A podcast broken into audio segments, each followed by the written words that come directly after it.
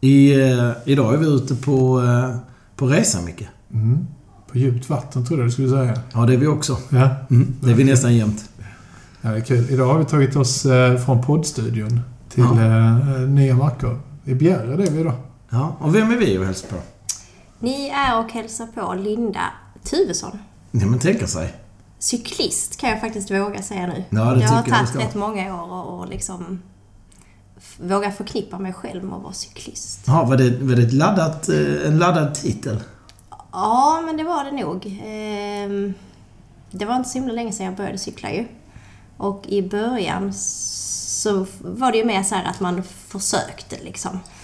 Och sen för mig var det förknippat med liksom prestation och struktur och sådär. Man är liksom idrottare. Det ville jag inte riktigt vara i början. Men eh, alltså nu är jag ju där så det är svårt att säga att jag inte är cyklist. Du är oerhört eh, nyfiken. Inte så länge säger du. Nej, jag köpte min första cykel 2014 måste det ha varit, eller 2015. Ehm, hade separerat och ville på något vis komma igång igen med träningen. Jag hade liksom inte tränat ordentligt på nästan 10 år. Och eh, fick tips från kompisar om att ah, men köp en cykel. Jag är gammal orienterare och trivdes i skogen men det funkade inte att springa. Så jag köpte en instegscykel med 30 växlar och En mountainbike då? en mountainbike Ja. som vägde ja, 13,5 kilo någonting. Ett kilo per växel. ja, ungefär.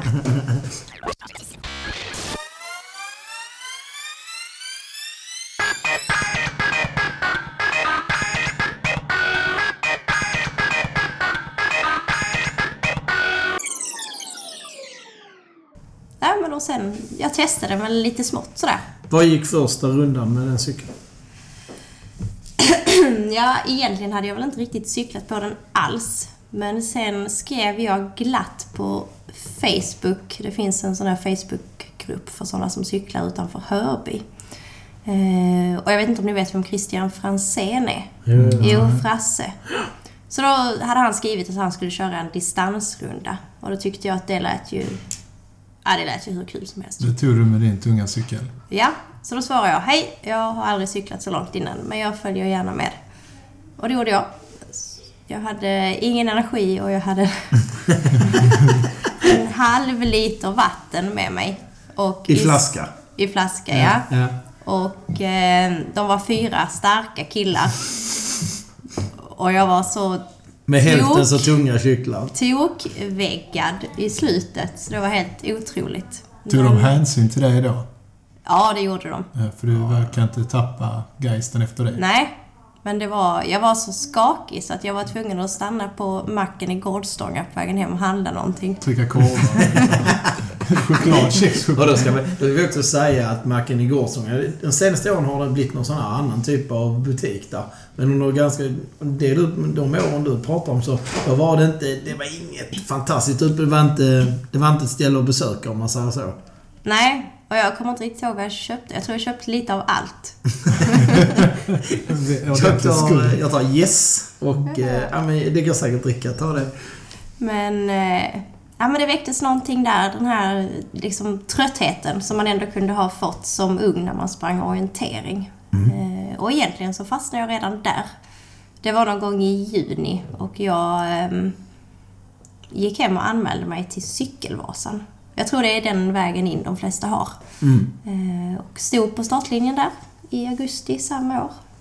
Så juni är första gången du kört distanspass. Och augusti är första loppet och då ska du cykla 95 kilometer. Ja. Och du hade inte cyklat innan? Nej, alltså jag hade inte cyklat några långa pass alls egentligen. Nej, så eh, om vi nu lär känna det här så kan man säga att mode är väl en sak som vi får skriva, tillskriva dig va? Ja, det, det har ju blivit flera äventyr sen dess. Så det skulle jag nog ändå säga att Ja, det hade jag... förvånat oss om det inte hade blivit det. Det är nog mer den här att jag... Jag kom på något och sen, nej men jag kör. Mm. Och sen inser jag att, vänta lite nu, vad behöver jag för att fixa det här? och, och då börjar den här komma lite, den här oron eller nervositeten. Ehm, Hur Men jag brukar kasta mig in i nya saker ganska så lätt faktiskt. Hur han- hanterar du nervositeten eller oron då? Det handlar nog mycket om förberedelse, tror jag. Ja, det är där träningen eh, kommer in liksom. Ja, men lite träningen, men också det här runt omkring. Jag är ju en sån som vill ha koll på läget. Liksom. Var är starten? Hur långt är det? Hur ser banan ut? Vad behöver jag äta? Vad ska jag ha på mig? Ungefär. Det här runt omkring. Det är helt olikt oss, Jocke. Ja, vi tar oss också an utmaningar och sen kommer vi dit och så bara VA? Vad fan är det du säger? Det var är helt omöjligt. Börjar det uppför? Ehm, men vad kul. Vi, vi blev lite nyfikna. Du är lite av en profil. Är Mm. du? Ehm, och jag brukar alltid ställa frågan om någon skulle skriva en bok om ditt liv, eller om dig. Ja. Du skulle ha en vän. Mm. Vad skulle Och ingen första- ovän. Ja, det kan vara en ovän också, det väljer du själv. Men vad skulle första kapitlet handla om då?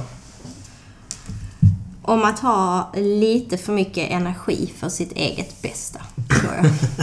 Det blir som en thriller alltså. Ja, det blir ingen sån lugn eh, memoar. Det blir nog mer... Men kapitlet Nej. skulle vara lite längre än en sida, förhoppningsvis. Ja. Nej, men alltså, som person är jag nog ändå ganska lugn. Alltså jag är inte lätt stressad, jag har stort tålamod. Men jag älskar ju att ha nya projekt igång och liksom så. Mm. Och hitta på både spontana saker men också liksom det här lite planerade, äventyrliga. Mm. Det är väldigt bra. En bra profil om man ska elitsatsa. Men be- berätta mer. Ja. Ska jag fortsätta från den där cykelvasan kanske? Eh, Kan du göra? Ja. Nej, men jag kom ju till, eh, till Mora faktiskt. Och det gick väl ganska hyfsat. Jag tror jag rullade in på 4.23. Något Det är sånt. bra.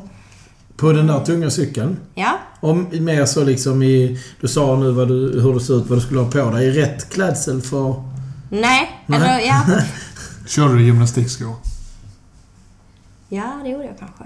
Platta Men jag pedaler. hade... Jag tyckte det var så pinsamt att köra med bips. Så att jag hade en gelsadel tejpad på sadeln. Och så körde jag i löpartights faktiskt. Ehm, och det väckte väl en del uppmärksamhet Och det längs funkade? vägen. Ja, men det funkade. Ja, ja. ja, för jag kan tänka om jag bara jag hör det så känner jag så här att ja, sen sitter man inte resten av den veckan. Ja, men det funkade faktiskt bra. Jag fick så mycket blodad tand, så jag åkte hem och sen anmälde jag mig också till Bockstensturen. I september. Ja, och den körde jag också med sån här gelsadel. Tejpad gelsadel. Och det året så var det ju, jag vet inte, tre grader och lervälling och jätteblåsigt. Och jag, då hade jag verkligen aldrig cyklat ordentligt skog heller. Så för mig var det liksom en chock att komma ut i de här ändå... Nu kanske jag inte tycker de är så tekniska stigar. Men Nej. då tyckte jag det var helt... Tänkte hur ska man kunna cykla här liksom? Hur gick det då? Vilken, vilken bockstenstur var det? Var det Jag körde den som var 50 kilometer. Ja. Det räckte mer än väl. Riktigt- Var det samma positiva upplevelse som, eh, som cykelvasan? Ja, men jag tyckte nog det. Alltså, jag hittade liksom någonting där i cyklingen. Alltså, sen var det ju helt... Alltså, jag hade ju inga handskar och jag hade inga skoskydd så. Det var inte väldigt kallt Jag hade i och för sig skaffat ett par cykelskor till dess, tror jag. Men jag var ju helt dyngsur och iskall liksom. Ja. Men ändå var det ju roligt. Ja. Och det är det, det är det här roliga som jag har tagit med mig efter det. Men vad, då undrar jag ju så här, om man tittar tillbaka så sa du att det var någonting som väcktes från orienteringen. Vad var det, om du tittar tillbaka på orientering, vad var det som var så lockande med det? Liksom, Dels den här naturupplevelsen. Mm. Att komma ut i skogen. Men sen är det också en stor gemenskap. Precis som orienteringsvärlden är lite av en familj så är ju också cykelvärlden lite av en familj tycker jag. ja, ja. Eh, Det är värt jättemycket. Den här, och det gäller kanske alla idrottsevenemang, men den här stämningen som finns när man kommer ut på en cykeltävling. Det tycker jag är magiskt. Mm. Jag kan åka på en cykeltävling utan att cykla själv och tycka att det är fantastiskt. Instämmer. Det är lite som att komma till ett ställe där alla sina barn med sig. Så man alltid berätta om sina barn. Fast i detta fallet är det cyklar. Ja, precis. Ja, Så kolla här, lilla, lilla Gustav liksom, har Ja. fått en XT istället nu från Ja. SLX eller... ja. Ja. Det- Men kände du det redan där, i de första två loppen så? ja. Ja. Och sen efter det så var jag liksom lite fast på något vis. Så... eh, Sen efter det så rullade det liksom bara på med... Jag körde Billinga-racet året efter. På våren. Och sen körde jag väl i och för sig inga lopp igen mer än då Cykelvasan. Så året efter körde du Cykelvasan igen? Ja, Ja. Och då gick det då bättre? gick det ännu bättre. Då rullade jag in på under fyra timmar. Så. Och då hade jag köpt min första så här riktiga cykel. Vad var den första riktiga cykeln? Det var en 27,5 tums hardtail från Rosebikes. Jag hade var lagt den? ofantligt mycket tid på det? att räkna hem liksom vad olika delar skulle väga och plocka ihop och så. Där Så kunde man ju den själv? konfigurera själv. Ja, för de hade så, man valde ramen och sen valde man Ja, komponenter precis. utefter vad man ville ha. Ja. Ja, just det. Så, ehm, Vad, vad kul. Var den oriktiga biken då? Eller för nu blev det rosebike. Den oriktiga cykeln, vad var det för någonting? Den första? det var en Canyon-cykel Oh. faktiskt. Eh, Så det var ju också en, en bra cykel. Alltså en jättebra cykel. Men den var ju tung på det viset. Ja. Ehm, Och så var den kanske spesad med... Jag läste i något forum här nu, det var någon som hade problem med att han ville flytta sina bromshandtag. Därför att eh, han kunde inte... Det, det var inte lämpligt att bromsa med en finger. Mm. Så som de satt. Nej. Och då var han tvungen att byta plats på växelreglage och broms. Och då slog det mig att när man går lite längre ner i prestigeklass så blir det oftast inte anpassat alls för att göra vad man ska med sakerna. Nej. Och det är lite grann det som jag kan tänka mig hända att Canyon har en instegsmodell. Och den Mm. är tyvärr gjord med så pass låg klass på mm. prylarna sen att det förstör cykeln i sig. Det är säkert inget fel på. Alltså, Nej. och så. Nej, absolut inte. Jag menar den... Jag körde ju ändå cykelvasan på den på Mm. en bra tid och jag har kört många, många rundor på den cykeln. Så att som en första cykel är det ju, är det ju en bra cykel, absolut. Ja. Sen så kostar det väl nästa cykel kanske fem gånger mer. Och den jag har nu kanske kostar tio gånger mer. Ja, ja, Det, det, går där, ju liksom inflation på något vis i det. Men Ja. alltså, alla cyklar jag har haft har ju varit jättebra. ja. Men du har ju aldrig varit missnöjd lite- med en cykel menar du? Nej, jag tror faktiskt inte det. Nej, Så, gött. eh, Inte än. Nej. Jag hoppas inte det kommer. Ja, det, och gör det, det är bara att byta den. Det är Ja. bara prylar. Så det är ganska enkelt. Men du, eh, när du har nu cyklat där uppe, vad har, du har mer kopplingar till Dalarna? Ja, jag har min särbo där uppe. Henrik Öjer. Som också Cyklist. är cyklist, ja. Ja. ja precis. Vem är mest cyklist av er två? ja, det är ju han. Är det så? Ja. Ja. Varför är han mest cyklist? Alltså när vi åkte till, till tävlingarna förra året så berättade han ju att nu är det 20 året han kör långloppskuppen. Så han kan berätta alla anekdoter om alla tävlingar han har kört och alla som har varit med. Eh, när vi är ute och cyklar så kan han berätta på sina distansrundor då han har kört att här väggade den här personen. Ja. här har den här personen. Han vet aldrig vad han väger själv, eller? Ja, det har väl kanske hänt någon gång. Ja. ja. Men eh, jag tror han hade kunnat skriva en långloppscupsbok ja. full med roliga historier. Jag, mest, eh, jag frågar för att jag är sjukt nyfiken på eftersom du var så laddat och kallade dig för cyklist. Så jag är väldigt nyfiken på vad du lägger i begreppet cyklist. Så. Ja, I det här fallet var det då erfarenhet som var eh, Ja. tungt vägande för att han skulle vinna. absolut. Ja. Vem är nördigast då? Jag tror vi är lite insnöade på olika saker kanske. Okej. Eh, jag, jag gillar ju fikacykling och jag gillar äventyr. Eh, det får aldrig vara så att prestation går före att det är roligt. Ja. Alltså är det inte kul, då tappar jag. Mm. Och den, den delen har väl Henrik också, men han har ju ändå mer ett prestationstänk. Eh, Jag hade kunnat köra långloppskuppen i motionsklass en hel sommar och vara hur glad och nöjd som helst. Ja. Eh, oftast är det ju nästan roligare i de leden än vad det är i Det tävlingsleden. handlar ju bara om att... Eh, eh, nu ska jag inte lägga ord i mun på det, men det handlar bara om att man undviker sin ångest därför att prestationen inte är lika betydelsefull. Ja, fast nej, jag vet inte. Jag...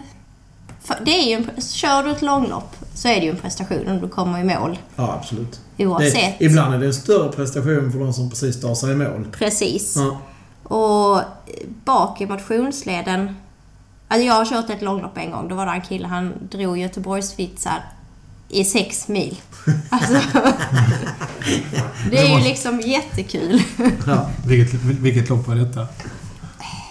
Det måste ju ha varit ett lopp som inte var så jobbigt.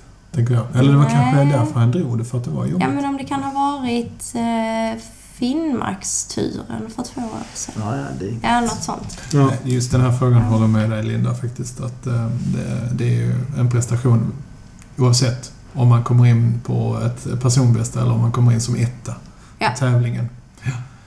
Sen är det bara lite hur mycket man lever cykel, tror Ja. jag. Ja, men då blir, då blir det lite prestige ändå.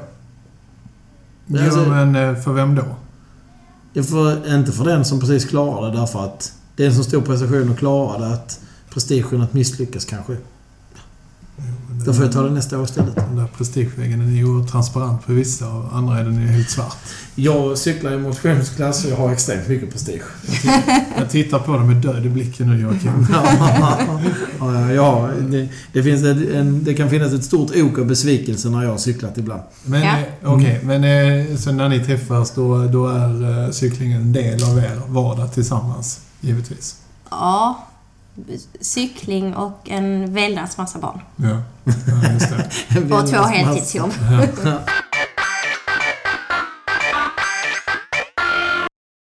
Vad ska jag säga, men cyklingen var, var grunden till att ni träffades gissar jag eller? Ja, det var det faktiskt. Ja. ja, det var väl ingen Ja. dålig grund att träffas? Ja, alltså jag kan ju berätta hur vi träffades. Ja, ja, det är ja, lite ja. kul.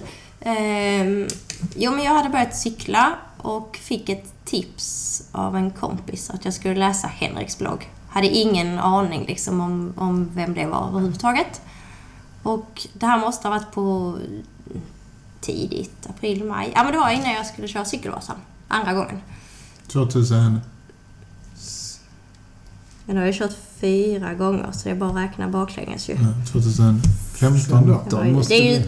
Två och ett halvt år sedan vi träffades. Så det är ju, kan vara två år och nio månader sedan då. Något Ja. sånt. Vi börjar räkna bakåt. Nej, men då skrev jag ett mail och frågade om lite tips bara. Alltså kring liksom upplägg. Hej, hej, jag är helt ny, jag ska köra Cykelvasan. Och så fick jag lite tips och sen var det inte mer med det. Men jag körde liksom... Och så skrev han så här, ja men hoppas det går bra, hör av dig. Liksom om du fixar det. Ja. Ehm, och sen så tränade jag ändå på där på sommaren och sen fixade jag faktiskt den där cykelvasan på i princip den här tiden jag hade satt upp. Och eh, hörde av mig till honom. Ja men ni vet så här hybrisartat mail. Man har liksom helt... Och då hade jag ju ingen koll för jag hade inte läst bloggen. Så du skickar mail utan att läsa hans blogg? Ja men då skickade jag bara ett svar liksom. Ja. Men då visade det ju sig att då var han mitt i sin skilsmässa. Och jag hade ju skilt mig några år innan. Så då fick ju jag plötsligt ett mail tillbaka med hur jag liksom löste det med min träning. Ja. När man hade barn halva tiden och sådär.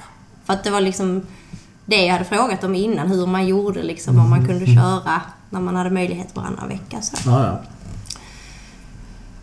Och sen blev det liksom några mejl fram och tillbaka, inget mer så egentligen.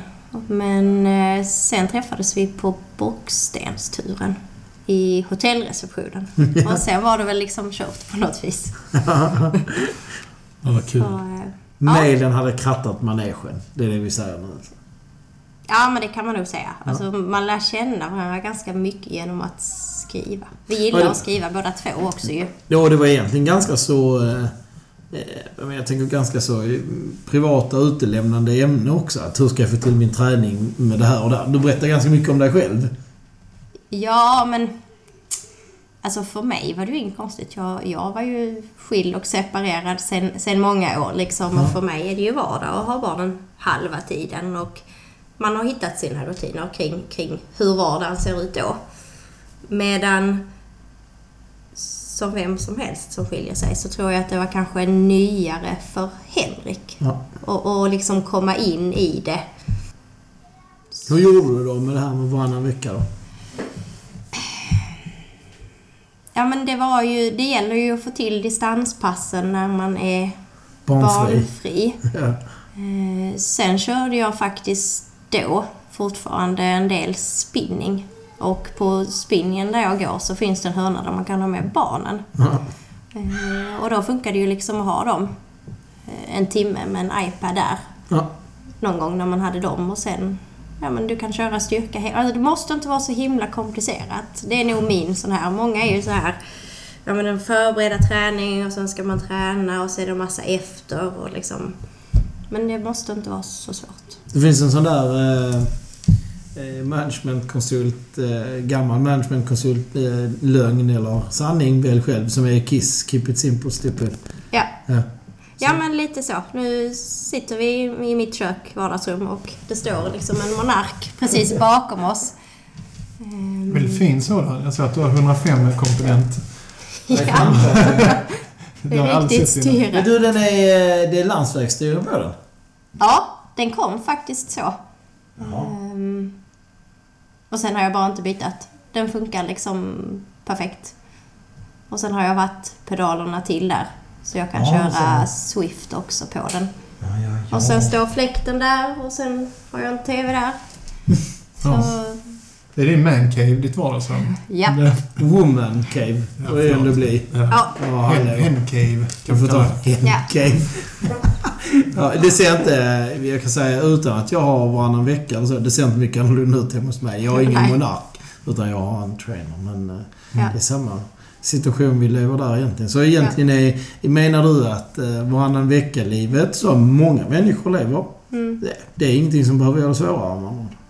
Nej, absolut inte. inte. Inte om man vill och inte behöver. Man behöver inte göra det så konstigt. Alltså, nu, nu är det ju så att du gjorde det ju betydligt svårare med, med hjälp av Henrik då, om jag förstår rätt. För då Ja. väljer man att basera sig i skånska Bjärred.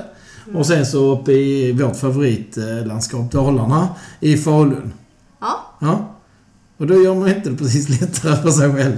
nej, nej, det kanske vi inte gjorde. Men eh, Flyger den i helikopter nej.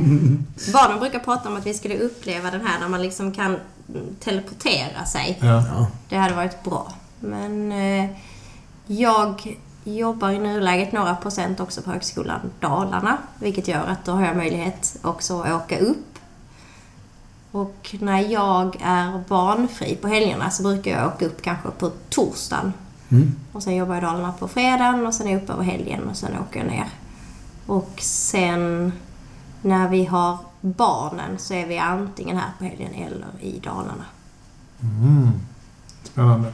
Men det, detta leder oss vidare nu, alltså eh, hur cykeln kom in i ditt liv och så. Mm. Eh, vad, vad gör du mer kring cyklingen? Eh, förutom du lever som en eh, elitidrottskvinna. Elit och elit vet jag inte, men, men eh, stark motionär Du är kanske. stark motionär. Nu är vi blygsamma. Jag, jag är glad att elitmotionär inte kom upp som uttryck. Då har jag, då har jag lite svårt för det Antingen är uttrycket. man elit eller så är man motionär. Tack, då är Ja. vi överens. Ja. Det är som man är beväpnad polis. ja. Ja. Ja. Vad, är, men, eh, vad gör du mer kring cyklingen, Linda? Ja, men det, jag tränar förstås och cyklar för att det är kul. Försöker också ha cykeln på lite cykelaktiga aktiviteter. Cykelsemester, cykeläventyr. Eh, I 2019 då kommer jag ju också vara långloppskuppens bloggare. Så målet är såklart att köra långloppskuppen också nästa år. Eh, får jag bestämma så ska vi väl försöka ta oss iväg och köra ett etapplopp nästa år också. Sen har jag ju teamet, Single Track Sisters, där vi också kommer ha lite aktiviteter med huvudsyftet att få fler att cykla. Fler, främst tjejer.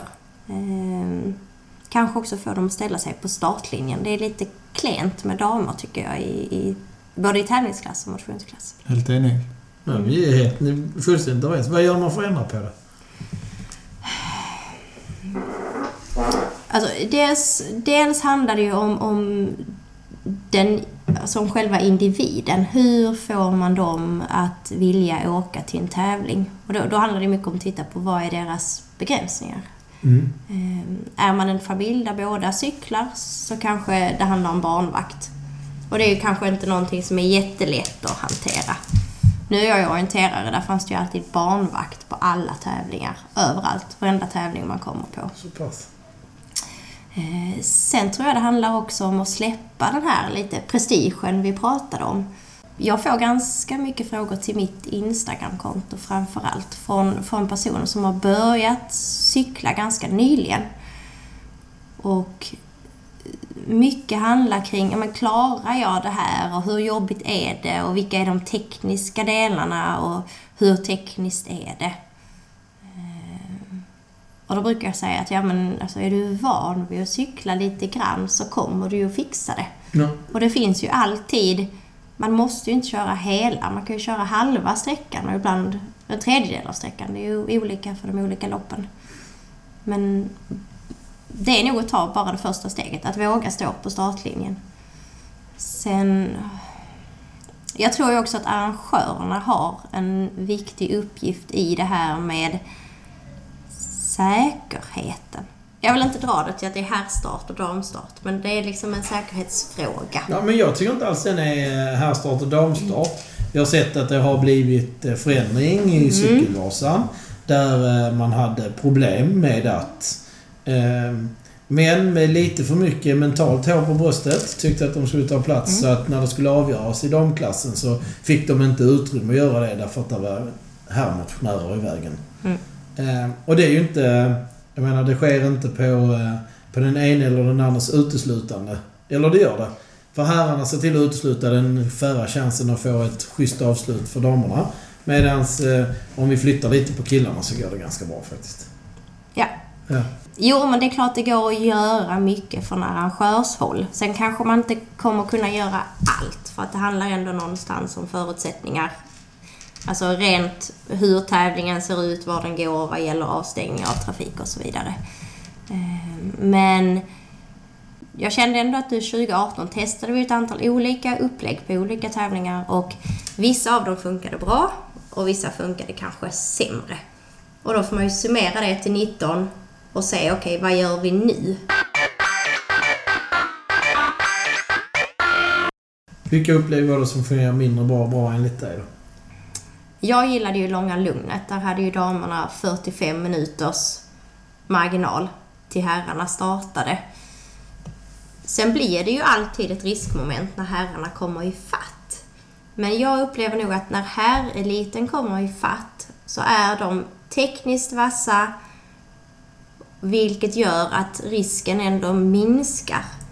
Blir du ifattkörd av, av herrmotionärerna så är de ofta tekniskt sämre. Ja. Vilket, och de... Vad ska man säga?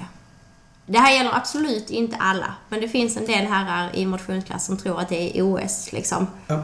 Eh, och det körs om till vänster och det körs om till höger och man säger liksom inte till när man kommer. Och där uppstår det liksom... Där kan det vara farligt på riktigt. Är det på grund av att ehm, det här med fe- fenomenet mountainbike har vuxit så? För jag upplever på längd, eller på eh, landsväg så är det ju bättre när man kör Mm. om än vad det är i skogen. Men eh, i skogen är det, är det eh, outbildade cyklister. Här finns ju ett embryo till vad du kan skriva om givetvis. Alltså, outbildade vet jag igen. Alltså jag tror bara det handlar om den här tävlingsdjävulen i oss på något vis. Som leder till att man där och då kanske fattar ett beslut om en omkörning som inte är säkerhetsmässigt jättebra. Mm. Eh, där, där kanske... Men jag har haft situationer där man blir omkörd. Och sen blir man omkörd på ett, Hade man bara väntat tre meter så kunde man ha kört om. Ja. och istället så hamnar man i en sits där kanske båda får sätta ner en fot eller det blir någonting. Där det totala tidstappet ändå är ännu större än vad det hade behövt vara. Det är min... Eh, återigen ska jag inte lägga någon ord i mun på dig, men alltså om man tittar på de stora skillnaderna mellan de här grupperna vi nämner. Mm. Vi nämner elitmän. De är rätt så... Elitmän är väldigt medvetna om sin kapacitet. De har också en väldigt hög kapacitet. Elitkvinnor är också väldigt medvetna om sin kapacitet. Också en väldigt hög kapacitet. De bästa motionärerna, de har också en väldigt hög kapacitet, men de tror att de har en ännu högre. Mm. Så liksom den här... Se dig själv i spegeln och ta en tuff eh, reflektion att eh, You ain't all that in a bag of chips. den, eh, den är lite längre till och då tar man lite dåliga beslut för man tycker att man är så bra. Mm. Så när, när möjligheten att ta ett bättre beslut dyker upp så står man kvar vid det dåliga beslutet. Jag har själv upplevt det. Vi är ju mitt i gruppen av de här. Skulle mycket väl kunna vara en av dem som inte har så speciellt bra omdöme. Jag är också en ganska stor tävlingsdjävul. Eh, men jag känner liksom att ja, det går rätt snabbt att identifiera dem som... De är ganska vanliga.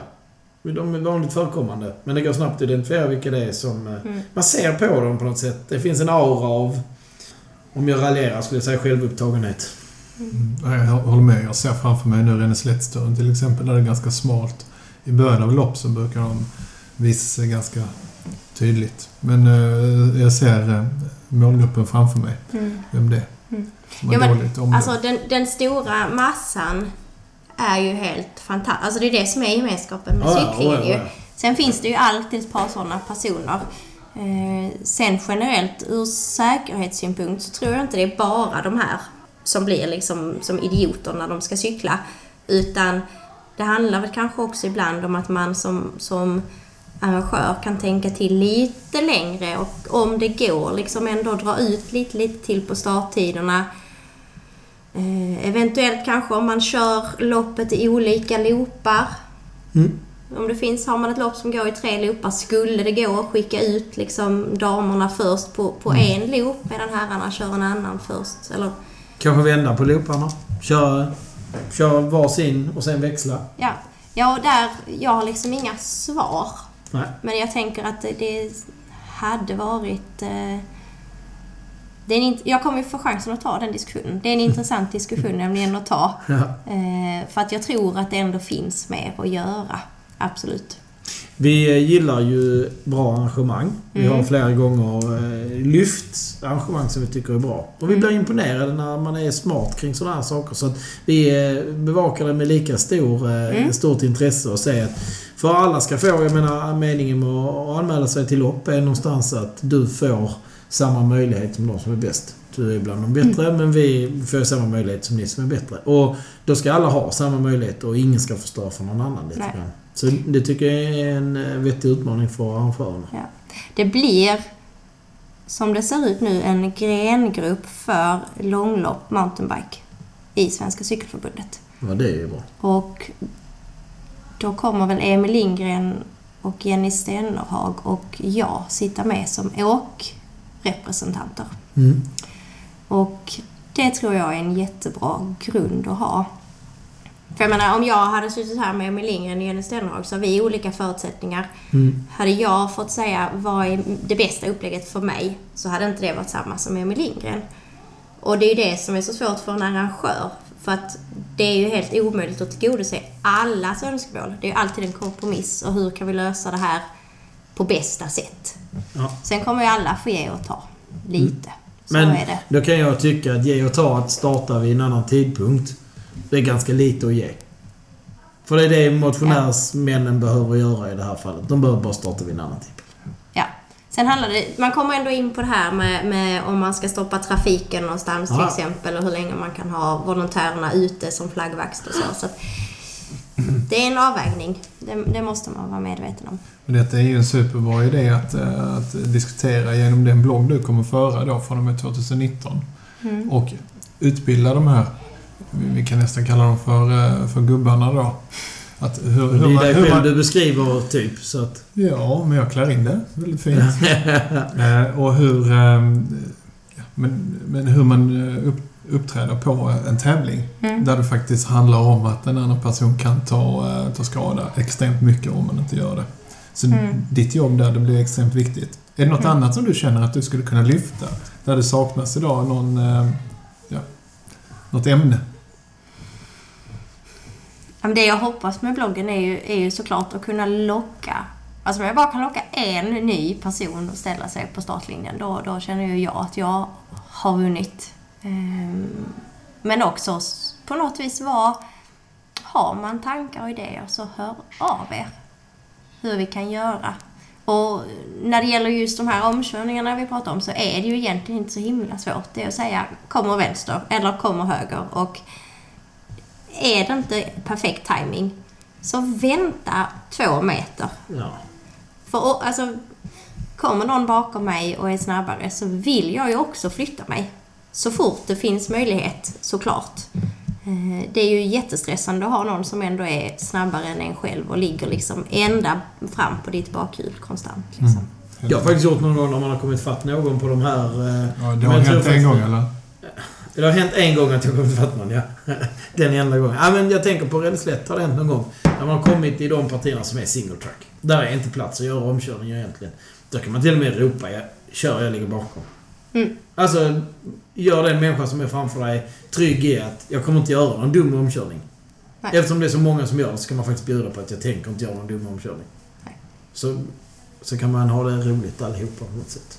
Vi fortsätter eh, nyansera den här otroligt sunda inblicken du verkar ha om cykling. Eh, om du får leka coach liksom. Mm. Vad, eh, vad, är, vad är det första du säger till en annan cyklist eller en vän som cyklar? Ha kul. Det är ju nummer ett. Ehm, Sen kan man kan alltid dra det här. Får jag komma in på så här djupa frågor? Oh ja, absolut. Jag mer än gärna. Ehm, nej, men jag, jag föreläser en del om ledarskap i min yrkesroll. Och då brukar jag alltid säga att det är mycket... Då frågar folk så här, men är det inte svårt att vara chef? Och liksom hur... Och få med sig andra. Då brukar jag alltid säga att men det är mycket lättare att leda andra än att leda sig själv. Alltså det är ju... Ska du leda andra så använder du liksom ditt intellekt och din känslosida på något vis ihop mot andra. Men när du ska leda dig själv så har du ofta ett intellekt som säger en sak. Och sen har du liksom eh, ett känsloinre som ofta kanske tycker något helt annat.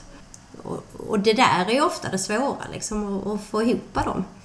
Ehm nu har jag precis varit sjuk liksom, och då vill man ju dra igång träningen. Och då säger intellektet att jag kanske borde vila två dagar till. Och så säger det här känslor, liksom, jaget att ah, vi cyklar nu, helst. Helst igår också liksom. Eh, och den inre dialogen eh, har vi ju både när vi har varit sjuka, men det är också det här, vågar jag, ska jag, vad ska alla andra tycka? Och sen säger intellektet någonstans att nej, men jag tränar faktiskt på så att jag ska fixa detta. Eh, och ibland så, så handlar det nog mycket om att våga. Bara köra. Ha kul. Och ha kul, ja. Mm, Det är lätt att säga ha kul. Mm. Vad gör du när du har kul? Alltså nu pratar du med någon som älskar att cykla. Jaha, ja, Alltså, ja, det jag- hoppas jag. Jag tycker liksom det är kul att, att cykla inne. Jag tycker det är kul att cykla landsväg. Jag tycker det är kul att cykla ute. Det kan vara kallt eller varmt eller... Alltså, det är ytterst sällan det inte är kul att cykla. Det är så intressant, eh, just det där med att det är så kul. Men om du bryter ner cyklingen i 10 minuter så Mm. måste det ju finnas både himmel och helvete. Tänker jag. Alltså under ett enskilt pass är det klart man kan ha sina dippar eller det händer gång när man kör långpass att man liksom blir alldeles för energilåg. Men det, det vägs ändå alltid upp av den där känslan av tillfredsställelse när man kommer hem sen eller när man stannar och fikar. Och, och känslan av att man mår, mår så pass bra efteråt. Så, eh, Men vad jag försöker locka med denna frågan det är att jag vet ju själv under de passen som man lägger, om man skulle cykla 10 minuter så är två minuter alltid riktigt jobbigt. Där man slår av tanken och så bara man håller på. Men sen Mm. där åtta minuter är utförslöpare eller tekniska partier. Där man övervinner sig själv många gånger och kanske Mm. till och med utvecklar sig så att det blir en eufori och en glädje. mm. Det är det jag skulle vilja att du beskrev. Liksom. Hur Ja. beskrev var du en 10 minuters period? Är det bara eufori hela tiden menar du? Nej, det är det ju kanske inte riktigt. Ehm, Jobbpendling, november, ja. regn Ja, sidan, jag- fyra grader.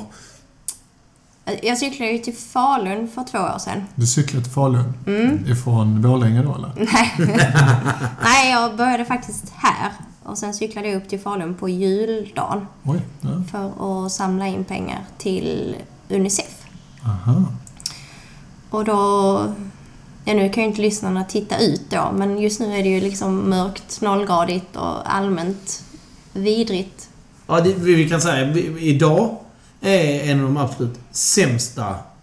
Det är som när det är som sämst. Jag sa det häromdagen när det var likadant väder. För så blir det kallare Mm. Då fryser det. Då, då blir det isar, det börjar snöa. Det, det Mm. blir bättre.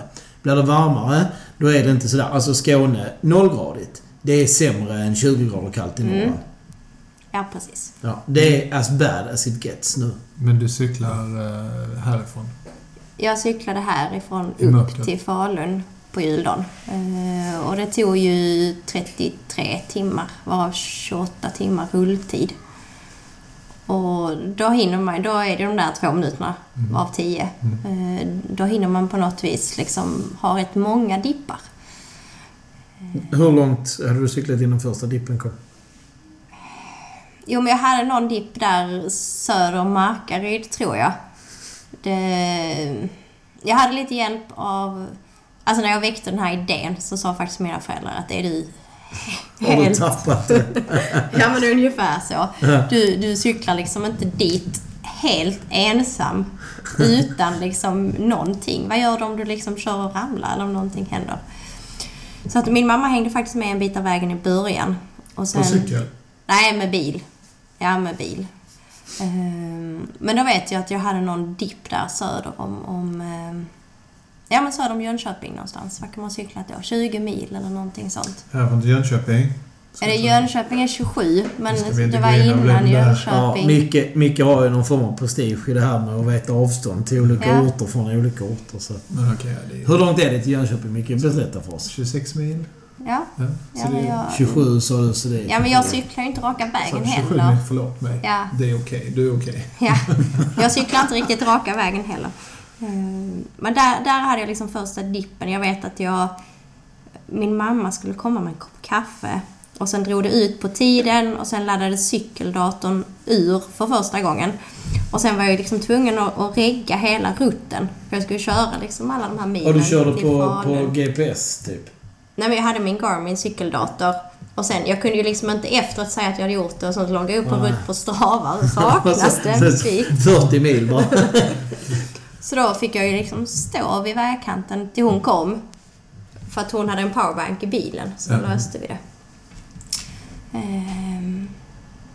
Nej men och sen hade jag väl en, en dipp i Lindesberg. Då hade jag cyklat 50 mil. Det var klockan sex på morgonen. Ehm. Var sov du någonstans under de här? Nej, jag bara cyklade. Du bara cyklade? Ja. Wow. Och hur många timmar sov du när du kom hem? När du kom till Falun sen? Ja, men jag var ändå rätt så pigg. Alltså det var nog mer det att jag var så himla hungrig när jag kom dit. Ja. Alltså jag åt först en kebabpizza och sen tror jag vi åt tacos på kvällen också. En bra matdag. Belöning. Ja. Så, eh, men i, i Lindesberg där hade jag liksom en dipp då. Där hade jag cyklat 50 mil. Och sen gjorde jag misstaget att sätta mig ner en liten stund, lite för länge. Och sen skulle jag liksom på cykeln igen då. Och sen var det uppförsbacke norr om Lindesberg och sen blev det också... Innan hade jag ändå kört mest asfalt. Jag hade några mil grus och så. Men där är det liksom en jättelång sträcka grusväg upp till Smedjebacken och det var så här löst och sandigt och baknavet hade liksom börjat haverera lite på cykeln för jag hade kört salt, saltade vägar hela vägen. Så att liksom, det gick inte att växla och ja, det var ett tag jag varit grinig. Med all rätt. Och där och då skulle man... Nu ska du skriva det där första kapitlet själv. Bara, jag är en värdelös människa med riktigt dåliga idéer. Men eh, vad, är- när du säger så här, vad var det för cykel du cyklade på då? Med tanke på att det var grusväg och... Då körde jag på min MTB. Ja, det var ju var, en hardtail hoppas jag det i alla fall. ja, Ja. så det var ju ändå en bekväm cykel. Så det var att Ni skönt. blir oerhört ödmjuka nu faktiskt. Ja, ja, fast jag känner så här, sitta... Vad var det i totalt i sträcka? 68 mil Ja, jag. jag har cyklat Vättern. Ja. Det är inte ens hälften. Om man gör det på en racer. Man Ja. gör det på halvavstängda vägar. Och man kommer till depåer där du kan trycka i den maten du vill. Jag är främmande för tanken att trycka i mig köttbullar och potatismos för man blir så tung i kroppen. Men... Eh, ehm, nej, ödmjuk är nog rätt. Men på en mountainbike sitter man ändå ganska så upprätt. Man, man Mm. lurar inte vinden. Man har ganska brett styre. Alltså det Mm. låter väldigt, väldigt jobbigt måste jag säga. Jo men det var... Alltså jag var så oerhört mentalt inställd på att jag skulle göra det. Det fanns liksom inte någonting annat. Så att... även om det var jobbigt så fanns inte en enda gång hade jag en tanke på att liksom ge upp. Hade du någon så här stann när du bytte kläder och så här på vägen?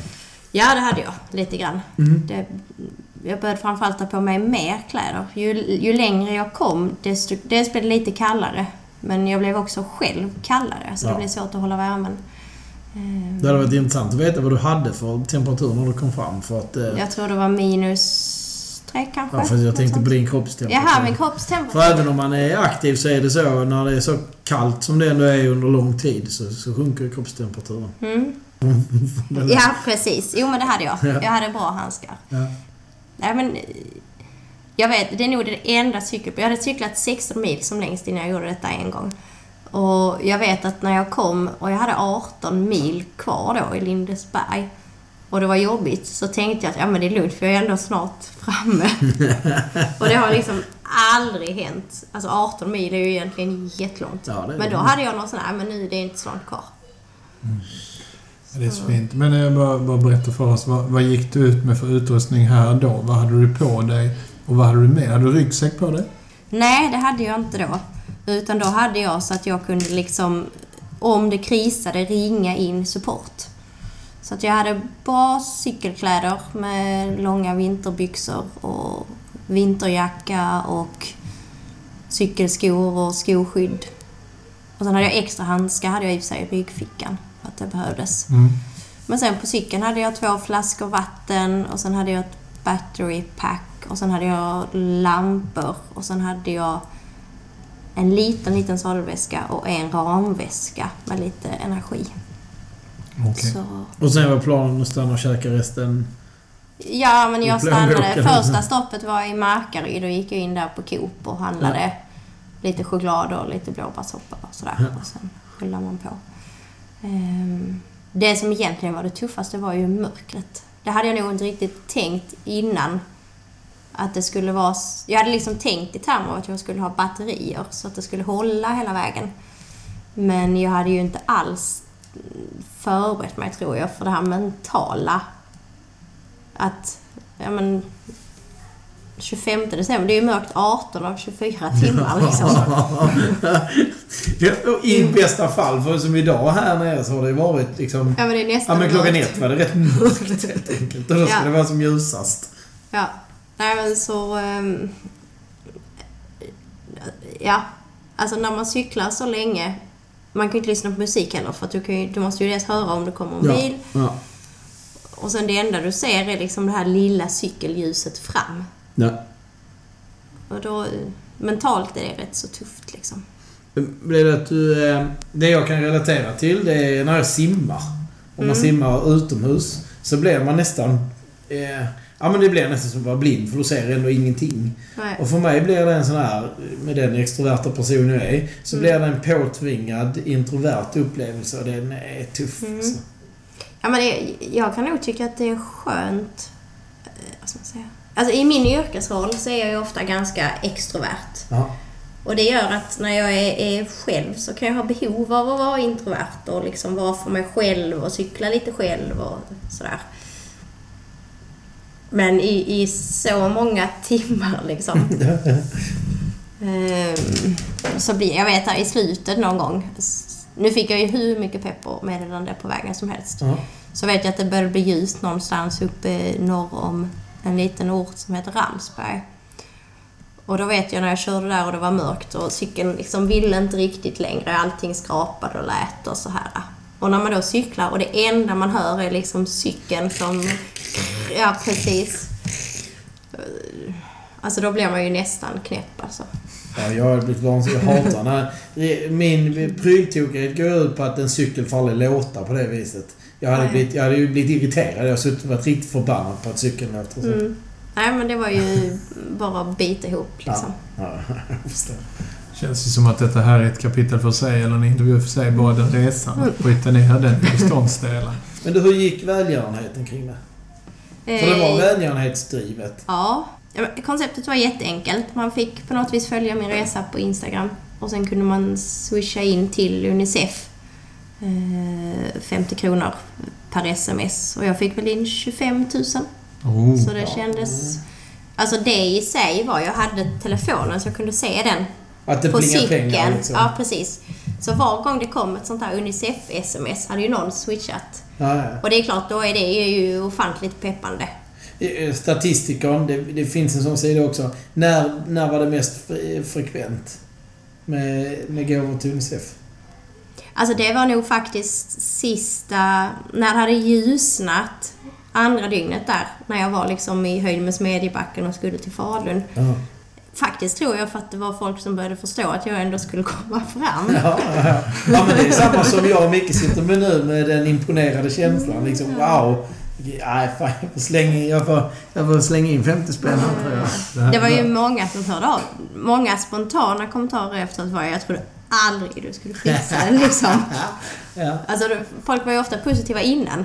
Men efteråt kunde de ju säga att alltså, jag trodde inte det skulle gå. Faktiskt. Så. Var det dina ICE-kontakter som inte trodde det? Mamma och pappa. Nej. Alltså de känner ju mig rätt så väl. Jag skulle säga Ja. att om du skulle säga till mig nu att du skulle göra någonting som låter omöjligt, skulle jag säga det okej. Det kommer ske. jag är övertygad. Men, nej, men i sådana lägen kan jag vara rätt envis. Mm, nej, nej, jag det, kopplar det, liksom på pannbenet och kör. Det är imponerande det. ja. Eh, vad är det för cykling du eh, förhåller dig till idag?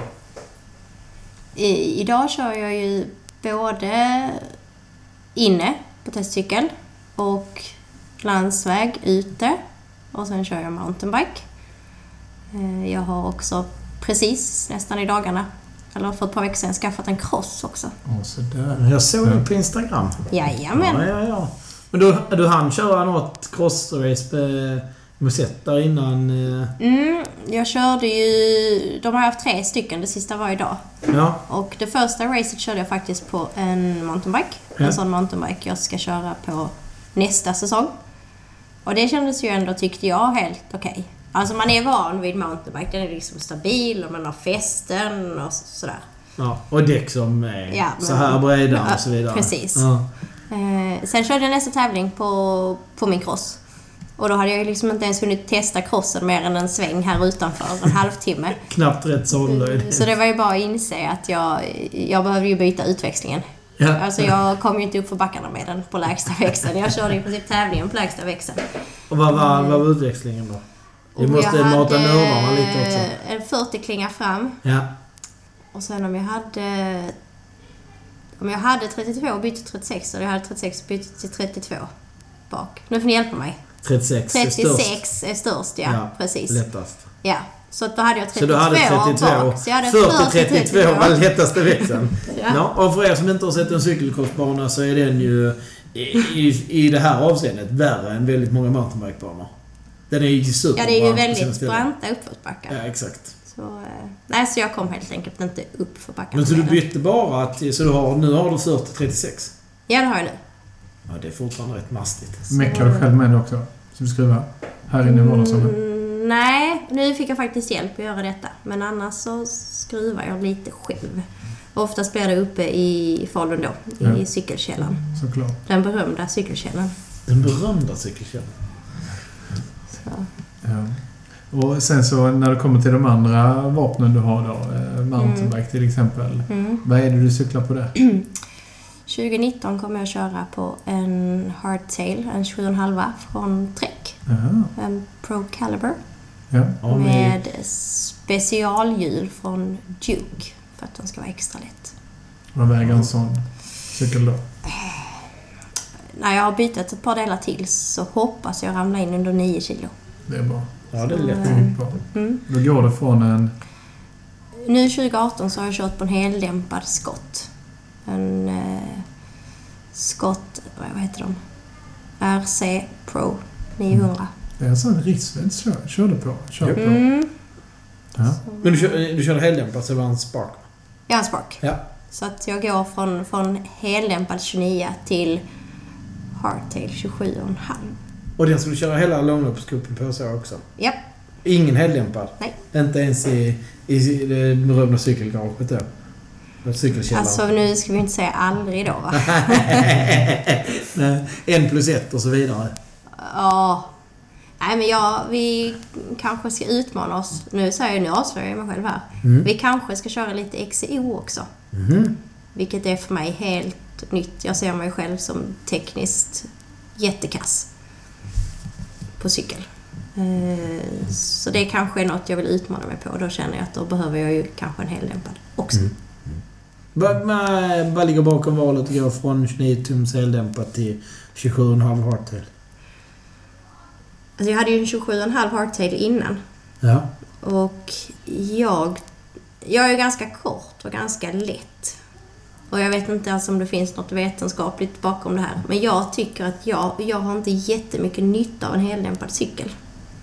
Eller jag kan ju bara titta på hur stor del av tiden i långloppscupen jag körde med den helt låst. Och det är rätt så stor Okej. andel Mm. av tiden. Och sen... eh, Alltså, kommer du ner på en 27,5 och en hardtail som blir väldigt lätt så är den ofantligt rapp. Mm. Alltså, direkt man trycker på tamparna så får man liksom respons direkt. Och sen är den ju betydligt snabbare uppför framför allt och det är ju... Där kände jag lite att jag tappade i somras. Jag var bättre på, på tekniska stigar. Men man tappar lite uppför. Såklart, det är ju alltid en avvägning. Och sen... Mm. ja, Alla cyklar på den nivån är ju jättebra. Jag tror det handlar mer om hur man är som person på Ja, något vis. får sig gå från 29 till 27,5. Det är ju en viss grej. Känslomässigt. Ja, det är det ju. Och, och, ehm, jag kan tycka att det är nästan lättare att få en 27,5 över ett hinder, eller över en rot faktiskt. Så, ehm, Du, det leder, leder oss in på, vi pratade lite innan eh, vi satte igång bandningen här på, på, eh, på prylar. Vad är favoritprylen? ja. Nu Ehm, får du tänka på vad du säger. Ingen press, men... Jo, men innan jag cyklade så hade jag liksom aldrig tränat med puls och, och watt överhuvudtaget. Hade ingen aning om vad jag hade för maxpuls och så. Ehm, Trots att du hade orienterat? Mm. Det var bara och springa i skogen? nu, Jajamän. alltså? Okej. Ja. Eh, Så att för mig var, jag älskar ju min cykelklocka. Mm. Eh, Du, kör inte, du kör klocka, du kör inte dator. Jag har en cykeldator också. Ja. Eh, Och den är ju jättebra när man kör i skogen och man vill liksom ha kartan. Och sen gillar jag då klockan för att där kan jag ju köra alla träningar på den. Och sen kan jag liksom koppla den till det jag får ut av cykeldatorn också så att säga. Mm. Så. Sen har jag wattpedaler också som då kopplar mot både klockan och cykeldatorn. Så det är liksom det, det hela det, vad heter det, systemet som är Ja, bra, som är det var- heltäckande. Det var en sån fantastisk värld liksom och, och, och träna med puls för mig. Och liksom, Vad har du för maxpuls? jag har 200. Så att jag kan ju komma hem och ha kört... Jag kan ju snitta 181 till 183 på en tävling Mm. i långloppscupen. ja, det är högt. ja. Men var ligger dina trösklar? Vet du det? Jag har en tröskelpuls på ja, lite varierande, men 184 till 186 någonstans. Hur- Och då blir det intressant, för nu pratar pulsnördarna med varandra här. Jag ska inte säga att jag inte är nördig när det gäller puls, men hur nyttjar du detta i din träning? Det är det som är intressant. I mitt träningsupplägg så kör jag ju baserat på antingen tröskelpuls eller tröskelwatt. Ja. Eh, Så att det bygger ju på det hela tiden. Mm. Sen tycker jag också, och det är kanske den lärdomen jag har lärt mig mest nu, att man... Om du har koll framförallt på din puls och hur den beter sig, så ser man, jag kan nästan se... Hade jag stuckit ut nu och cyklat när jag var sjuk idag så hade jag ju haft... Alltså, dels har jag högre puls för att jag inte har tränat på länge och det är väl kopplat till blodvolymen, men du kan, jag kan se på pulsen om jag är på väg att bli sjuk eller om jag inte är riktigt kry liksom. Ja, jag har exakt samma, Så. exakt samma analys. Kan, kan, eh, har vi pratat om många gånger att vi också kan göra det mycket. Sover du med klockan på också? Ja. Ja, du gör det. Upplever du att det är bra med den här eh, mätaren som är på handled? Eller sover du med bälte och klockan vid sidan om? Jag sover faktiskt bara med klockan på handen. Ehm, Jag vet inte om den är helt hundra rätt, men om jag jämför en dag med en annan så kan jag ju liksom se vissa variationer. Liksom. Eh, Jag har väl ett ganska så stort spann. Jag kan ju ligga på 42-43 när jag sover kanske. Och har jag varit sjuk så kanske jag ligger på 50-52. Så det är. Alltså, Sen om det är exakt 50 eller om det är 48 eller 53, det spelar liksom inte så stor roll. Men jag ser en skillnad på om jag är frisk eller på om jag är sjuk som jag tycker är, är värd. Och då Den är kan mycket för mig. Ja, det är mer trender. Precis. Mm, mm. Nej, absolut. Eh, Och det är ganska modernt och nytt användande av pulsklocka som har kommit med att dels mätningen sitter på handled och så vidare, men också att klockorna har blivit lite mer... eh, Ja, men de mäter större del. Alltså, Du behöver inte titta jättemånga år tillbaka för att säga att du har tvåårig klocka när du tränar och sen hade du inte den med. Idag är de, jag ser din, är lite så här blingig, lite guldig och eh, så här. Ja, precis. Ska funka till vardags. Ja, exakt. Och det gör ju att du har den på dig alltid. Ja. Ja, Modegraden har hjälpt till användandet av det. Eh, Det är det, är det som är lite nackdelen med att ha en mätning som är så pass långt från hjärtat. För det är. Mm. Du är ju på en ytterlighet helt plötsligt. Det är ju att vid, um, vid kyla, men eh, när, när blodcirkulationen inte är riktigt optimal, då blir heller inte mätningen optimal. Nej. Så därför så det som komma skall där i den teknologin, det är förmodligen man hittar någonstans mätningar där det fortfarande är enkelt runt huvudet eh, Mm. och där det inte sitter i vägen. Så den, eh, det kommer säkerligen leverantörer med hörlurar och pulsmätning. Mm. Då helt plötsligt så pratar vi om eh, Det ett finns steg redan längre för det blir, det, blir, Mm. det blir en betydligt säkrare mätning plus att det är hela tiden ett jämnt blodflöde i, i huvudet. Ja, Annars blir det problematik. Mm. Plus att eh, huvudet stöds hela tiden av en extremt kraftig muskulatur runt, runt nacken. Mm. Så eh, det där är ett bra substitut. Mm. Jag, Jag jag, ser att Lindas klocka mäter nu för det är så grönt bakom. Jaha, men det är nog bara när man... eh, Ja, fast min tar sådär. Den tar mätningar lite då och då. Ja, men den mäter hela tiden. Jag kan titta Ja. här. Jag har eh, 54 nu. Kan nog stämma vad vi sitter ner. mm, Då tittar jag på klockan så gick upp till 60. det är bra. ja, min gick faktiskt exakt likadant. Min gick från 54 till 58. när jag Det är bra radio detta. Nu jävlar är underhållningsvärdet uppe.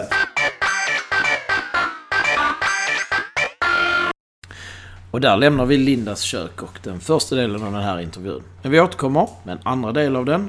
Och under tiden passar vi på cyklisterna på att eh, önska en riktigt god jul och på återhörande.